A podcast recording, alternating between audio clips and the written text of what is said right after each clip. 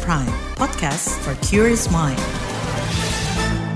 Halo saudara, selamat sore. Senang sekali bisa menyapa Anda kembali melalui program KBR Sore edisi Selasa 27 Juni 2023.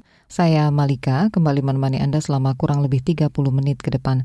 Sore ini kita menyoroti upaya mendorong penyelesaian pelanggaran hak asasi manusia atau HAM berat masa lalu secara komprehensif meliputi proses hukum maupun di luar hukum. Dorongan itu mencuat saat pemerintah meluncurkan program pelaksanaan rekomendasi penyelesaian di luar hukum atau non-yudisial pelanggaran HAM berat di Rumah Gedong Aceh hari ini.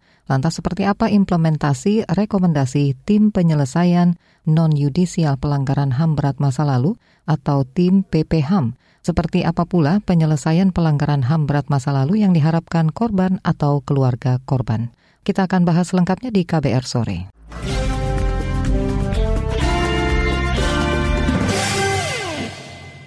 Dengan pikiran yang jernih dan hati yang tulus, saya sebagai Kepala Negara Republik Indonesia mengakui bahwa pelanggaran hak asasi manusia yang berat memang terjadi di berbagai peristiwa.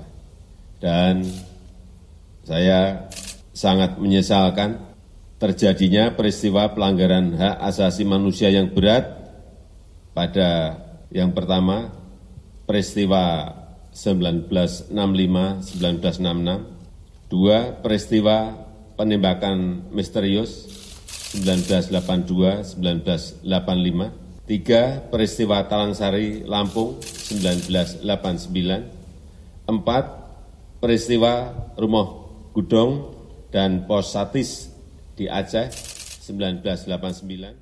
Itu tadi Presiden Joko Widodo saat mengakui adanya 12 pelanggaran hak asasi manusia berat masa lalu. Pernyataan Jokowi disampaikan pada awal tahun ini setelah menerima laporan dari tim penyelesaian non-yudisial pelanggaran HAM. Pengakuan ini merupakan satu dari 11 rekomendasi PPHAM terkait penyelesaian pelanggaran HAM berat. Presiden Jokowi berkomitmen memulihkan hak-hak korban pelanggaran HAM berat secara adil dan bijaksana tanpa meniadakan penyelesaian secara yudisial. Pemerintah juga bakal bersungguh-sungguh agar pelanggaran HAM berat tidak terjadi lagi di masa yang akan datang.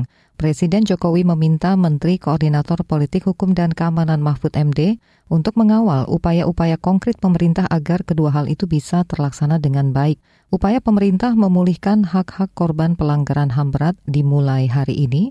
Pagi tadi Presiden Jokowi resmi meluncurkan program pelaksanaan rekomendasi penyelesaian secara non-yudisial pelanggaran HAM berat di Rumah Gedong, Kabupaten Pidi, Provinsi Aceh. Menurut Jokowi, penyelesaian kasus pelanggaran HAM lewat jalur di luar hukum itu bertujuan untuk memberikan perhatian kepada para korban dan keluarga korban, baik di dalam maupun di luar negeri. Karena itu, luka ini harus segera dipulihkan agar kita mampu bergerak maju. Dan pada awal bulan Januari yang lalu, saya telah memutuskan bahwa pemerintah menempuh penyelesaian non-yudisial yang fokus pada pemulihan hak-hak korban tanpa menegasikan mekanisme yudisial. Dan hari ini kita bersyukur, Alhamdulillah, bisa mulai direalisasikan pemulihan hak-hak korban pelanggaran HAM yang berat di 12 peristiwa yang sekaligus menandai komitmen bersama untuk melakukan upaya-upaya pencegahan agar hal serupa tidak akan pernah terulang kembali di masa-masa yang akan datang. Saya mendapatkan laporan dari Bapak Menko Polhukam bahwa korban dan keluarga korban di Aceh eh, telah mulai mendapatkan pelatihan-pelatihan untuk meningkatkan keterampilan kerja, jaminan hak untuk kesehatan, jaminan keluarga harapan, dan perbaikan tempat tinggal serta pembangunan fasilitas-fasilitas lainnya. Saudara pada kesempatan yang sama, Menko Polhukam Mahfud MD menegaskan pemenuhan hak korban pelanggaran HAM berat masa lalu akan dilakukan secara komprehensif, meliputi penyelesaian yudisial melalui pengadilan HAM dan penyelesaian non-yudisial melalui Komisi Kebenaran dan Rekonsiliasi atau KKR. Upaya membawa pelanggaran HAM berat masa lalu itu selalu gagal dibuktikan di pengadilan. Sehingga dari empat peristiwa dengan 35 terdakwa yang diajukan ke pengadilan, semuanya pada akhirnya dibebaskan oleh pengadilan. Masalahnya, pembuktiannya berdasar hukum acara pidana sangat sulit dipenuhi. Adapun upaya membentuk komisi kebenaran dan rekonsiliasi juga kandas karena Undang-Undang Nomor 27 Tahun 2004 yang dibuat oleh pemerintah bersama DPR dibatalkan oleh Mahkamah Konstitusi dan menghadapi banyak hambatan yang rumit untuk membuat undang-undang KKR yang baru.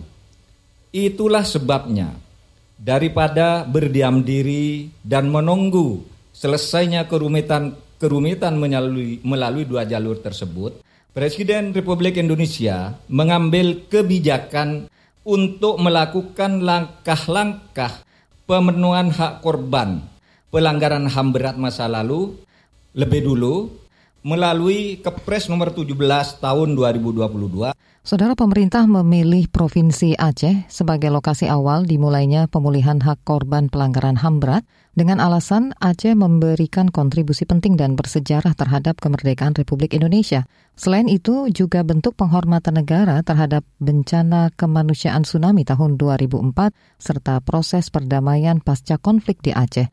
Menurut Mahfud MD, tiga alasan itu memiliki dimensi kemanusiaan yang kuat, relevan dengan agenda pemenuhan hak korban dan pencegahan terulangnya peristiwa pelanggaran HAM berat.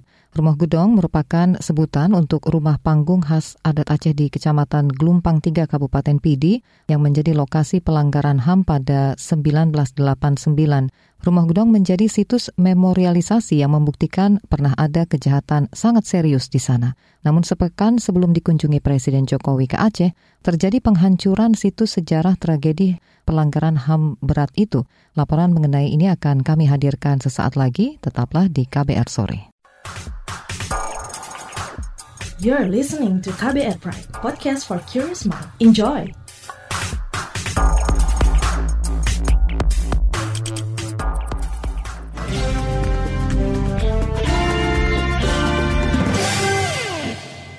Saudara rumah gedung di Kabupaten Pidi, Aceh diratakan dengan tanah. Proses itu dilakukan menjelang peluncuran penyelesaian non-yudisial pelanggaran HAM berat masa lalu di tempat tersebut. Tindakan itu menuai polemik sebab rumah ini dulu jadi saksi bisu pelanggaran HAM di Aceh. Lalu bagaimana seharusnya tempat kejadian perkara pelanggaran HAM diperlakukan? Selengkapnya kita simak dalam laporan khas KBR yang disusun jurnalis Sindu Darmawan. Situs peninggalan bersejarah kasus pelanggaran hak asasi manusia HAM berat masa lalu Rumuh Gedong diratakan dengan tanah. Bekas pos satuan taktis dan strategis Postatis di sektor A, Desa Bili, Kecamatan Gelumpang 3, Kabupaten Pidi Aceh itu dihancurkan menjelang kedatangan Presiden Joko Widodo hari ini. Menteri Koordinator Bidang Politik Hukum dan Keamanan Menko Polhukam, Mahfud MD, menjelaskan alasannya. Di area ini merupakan tempat terjadinya rumah gedung yang akan dibangun masjid atas permintaan masyarakat, atas usul masyarakat atau keluarga korban. Mahfud mengklaim pemerintah masih menyisakan beberapa bagian rumah gedong. Dengan dilengkapi living park yang memuat jejak sejarah yang tetap tetap dipertahankan sebagai pengingat dan pembelajaran bagi kita adalah tangga yang terletak di dekat panggung ini Juru bicara pemerintah Aceh Muhammad MTA mengatakan anak tangga dan dua sumur sisa di Rumah Gedong akan dijadikan monumen. Ia mengeklaim itu bentuk penyelamatan situs tragedi pelanggaran HAM berat di sana. Selain itu, monumen mini yang selama ini berada di luar pekarangan akan dipindahkan dekat tangga Rumah Gedong.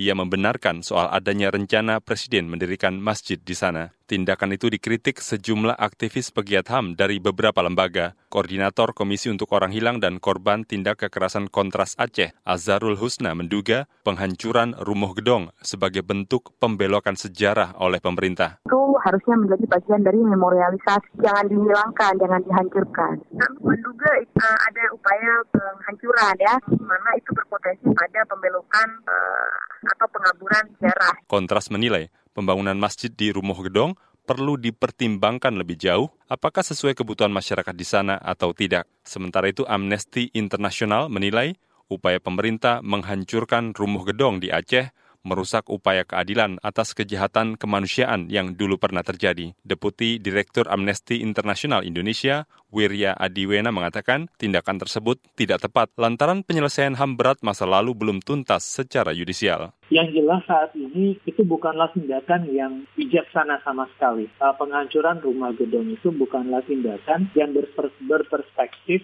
pemenuhan hak korban. Itu bukanlah tindakan yang berperspektif pemenuhan tanggung jawab negara dalam penegakan hak asasi manusia. Ini jelas sebuah upaya yang bertolak belakang dari upaya penyelesaian pelanggaran HAM berat secara judisial. Ini justru merusak upaya keadilan atas kejahatan kemanusiaan yang dulu terjadi di Aceh. Uh, jangan dihancurkan terlebih dahulu. Berdasarkan keterangan Direktur Lembaga Swadaya Masyarakat LSM Pengembangan Aktivis Sosial Ekonomi Masyarakat Pasca Aceh, Farida Haryani, perobohan dilakukan menggunakan alat berat jenis beko oleh Pemkap PD. Itu udah rata dengan tanah, hanya tinggal tok tangga. Tidak ada satu apa pun kecuali tangga. Itu pun karena kita rame-rame kemarin bersorak, berteriak supaya itu jangan dibuang. Itulah sisanya. Kata dia, bangunan hanya menyisakan lima anak tangga dan bekas sumur serta WC yang tertutup puing-puing bebatuan. Sisa bangunan itu tidak jadi dihancurkan setelah dirinya bersama beberapa aktivis melakukan protes di lokasi. Komnas HAM turut menyesalkan penghancuran rumah gedong Sebab berdasarkan hasil penyelidikan tim ad hoc Komnas HAM, sejak 2013 hingga 2018 ditemukan bukti permulaan yang cukup untuk menggolongkan peristiwa tersebut ke dugaan kejahatan terhadap kemanusiaan. Dari hasil pemeriksaan 65 saksi menunjukkan terjadi perkosaan, pelbagai bentuk kekerasan seksual, penyiksaan, pembunuhan, perampasan kemerdekaan, hingga penghilangan paksa. Pelanggaran HAM di Rumah Gedong serta pos satuan taktis dan strategis satis lain di Aceh terjadi selama operasi jaring merah di PD sepanjang 1989 hingga 1998. Komisioner Komnas HAM Putu Elvina menyampaikan keprihatinannya dalam momen berbeda dengan dirilisnya hasil penyelidikan Rumah Gedong. Kami melihat bahwa pemerintah daerah tidak cukup memiliki sensitivitas ya terhadap kasus-kasus yang menjadi uh, dugaan pelanggaran berat oleh Komnas HAM. Jadi kita sangat uh, prihatin terhadap kebijakan sepihak tersebut dan kita berharap tentu uh, rumah gedung itu sebenarnya menjadi uh, memorialisasi terhadap pernah terjadinya pelanggaran HAM di tanah Aceh. Menurut penyelidikan Komnas HAM, pola kekerasan di Rumah Gedong dan Posatis memenuhi unsur kejahatan kemanusiaan sesuai Undang-Undang Pengadilan HAM. Tindak kekerasan yang menimpa warga sipil tersebut imbas kebijakan penguasa masa itu yang dilakukan sistematis dan meluas. Tim menyimpulkan tiga pihak yang diduga harus bertanggung jawab, antara lain para komandan kesatuan militer selaku pengawas di lapangan, komandan Komando Pasukan Khusus Kopassus TNI AD selaku pembuat kebijakan. Demikian laporan khas KBR yang disusun dan dibacakan Sindu Darmawan. Saudara kembali ke upaya pemenuhan hak korban pelanggaran HAM berat secara komprehensif, tim penyelesaian non-yudisial pelanggaran hak asasi manusia atau PPHAM sudah memberikan 11 rekomendasi terkait penyelesaian HAM berat. Apa saja rekomendasi itu? Apa saja upaya PPHAM agar seluruh rekomendasi itu terlaksana dengan maksimal? Kami hadirkan informasinya sesaat lagi, tetaplah di KBR sore. You're listening to KBR Pride, podcast for curious mind. Enjoy!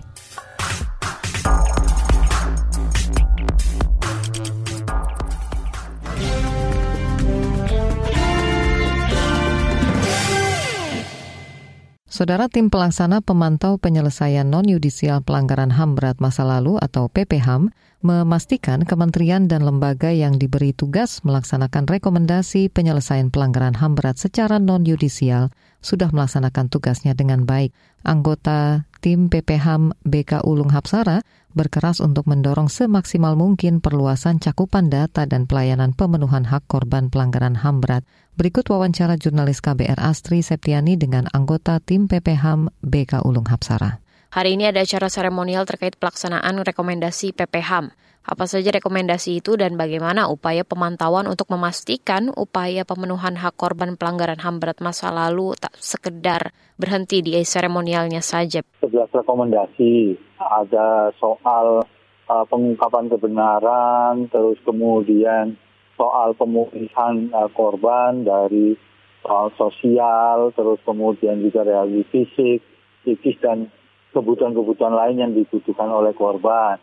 Itu uh, beberapa rekomendasi yang uh, dari PPH. Nah, bagaimana kemudian memonitor supaya uh, pelaksanaan ini tidak hanya di awal saja. Nah, Presiden kan kemudian sudah membentuk tim pemantau, tim pemantau lewat Kepres nomor 4 tahun 2023 dan tugasnya itu memastikan bahwa kementerian lembaga yang diberi instruksi Presiden ada 19 KL itu uh, berjalan dan kemudian melaksanakan tugasnya.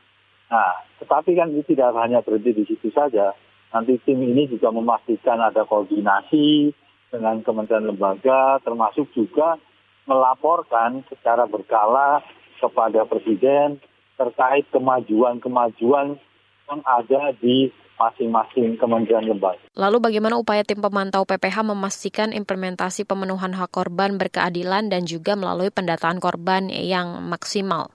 Ini yang paling penting, artinya tidak hanya soal nama-nama, tetapi juga nomor induk kependudukan, kronologi peristiwa yang uh, dialami, termasuk juga tadi yang disebutkan soal kebutuhan-kebutuhan layanan apa yang dibutuhkan oleh uh, para korban. Dan ini tentu saja melalui serangkaian assessment maupun juga kami mendapatkan uh, data-data tersebut dari Komnas HAM dan LPSK begitu. Oh ya, tentu saja ini kan tadi yang disebutkan oleh Pak Mahfud, disebutkan oleh uh, Presiden ini kan baru data awal yang ada uh, untuk digunakan pada saat kick off tentu saja akan bertambah banyak gitu ya. Apalagi kemudian di Komnas HAM juga menyebutkan ada 6.000 uh, data korban, terus kemudian belum lagi nanti mekanisme-mekanisme yang dibangun dalam tim itu sendiri gitu.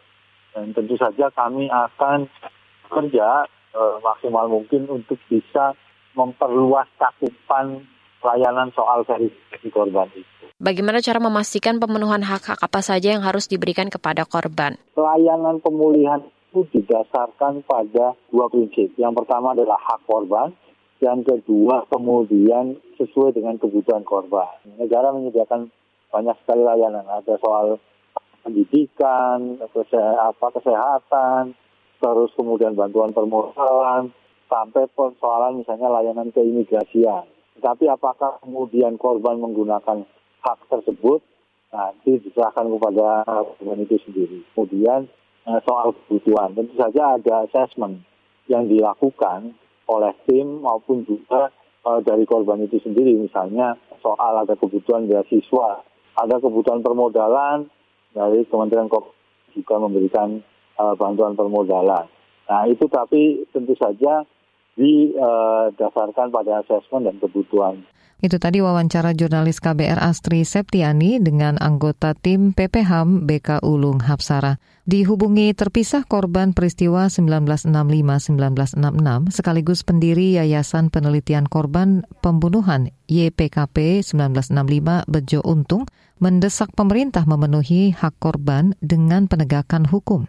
Saya melihat penyelesaian secara pintas, jalan pintas menggunakan jalur non-yudisial ini tidak menyelesaikan masalah. Karena apa? Mestinya penyelesaian itu harus berdasarkan keinginan dari para korban, bukan dari para pelaku atau penguasa. Artinya apa yang dimaksud keinginan para korban? Keinginan para korban ialah ingin mendapatkan keadilan. Kalau hanya semacam santunan atau bagi-bagi sebagainya, itu kan sudah diatur memang itu tugas negara untuk memberikan santunan. Ya bahwa reparasi hak-hak korban itu adalah hak yang harus kita terima. Jadi tanpa adanya gembar-gembor penyelesaian pelanggaran berat melalui non judicial itu harus sudah dilaksanakan. Dan ya, saya masih tetap mendesak supaya penyelesaian secara judicial yaitu melalui jalur hukum itu dilaksanakan ya Korban peristiwa 1965-1966 Bejo Untung mengatakan pemenuhan hak korban harus dilakukan negara dengan memerhatikan akses keadilan yang setara dan efektif. Karena itu ia berharap peluncuran program pelaksanaan rekomendasi PPHAM tidak sekedar upacara seremonial. Di tempat lain, Komisi Nasional Hak Asasi Manusia Komnas HAM bersiap untuk mengawasi implementasinya secara menyeluruh. Apa saja persiapan Komnas HAM, seperti apa laporan Komnas HAM terkait 12 pelanggaran HAM berat masa lalu, selengkapnya kami hadirkan usai jeda. You're listening to KBR Pride, podcast for curious mind. Enjoy!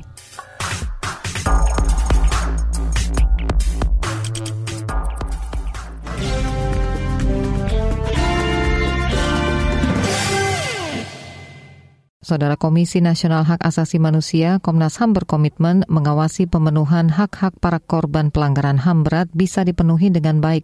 Komisioner Komnas HAM Anis Hidayah menegaskan sudah menerbitkan norma pengaturan pemenuhan hak korban pelanggaran HAM yang meliputi prinsip, asas, serta mekanismenya. Kita simak wawancara jurnalis KBR Ardi Ridwansyah dengan Komisioner Komnas HAM Anis Hidayah. Bagaimana Komnas HAM melakukan pemantauan atau pengawasan terhadap pemenuhan hak korban pelanggaran HAM berat?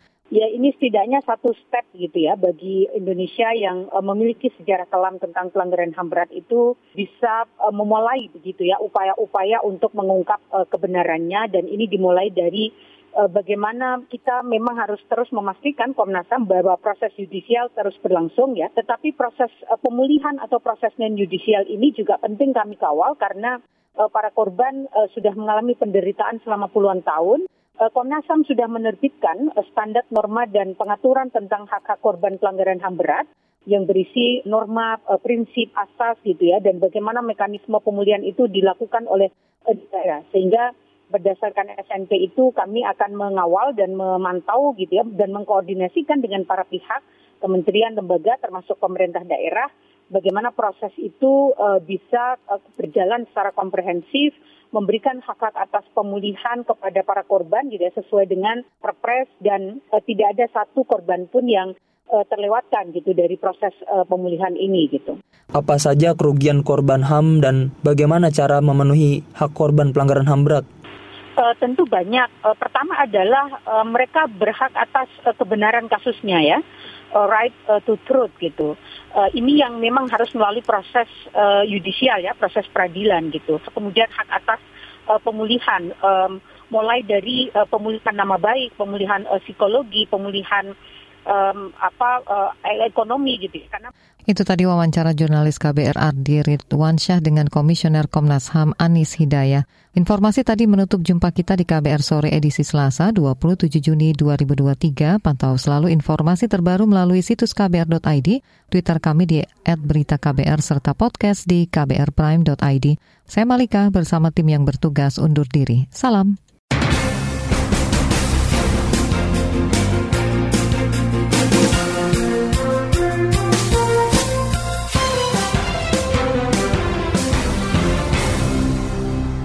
KBR Prime, cara asik mendengar berita.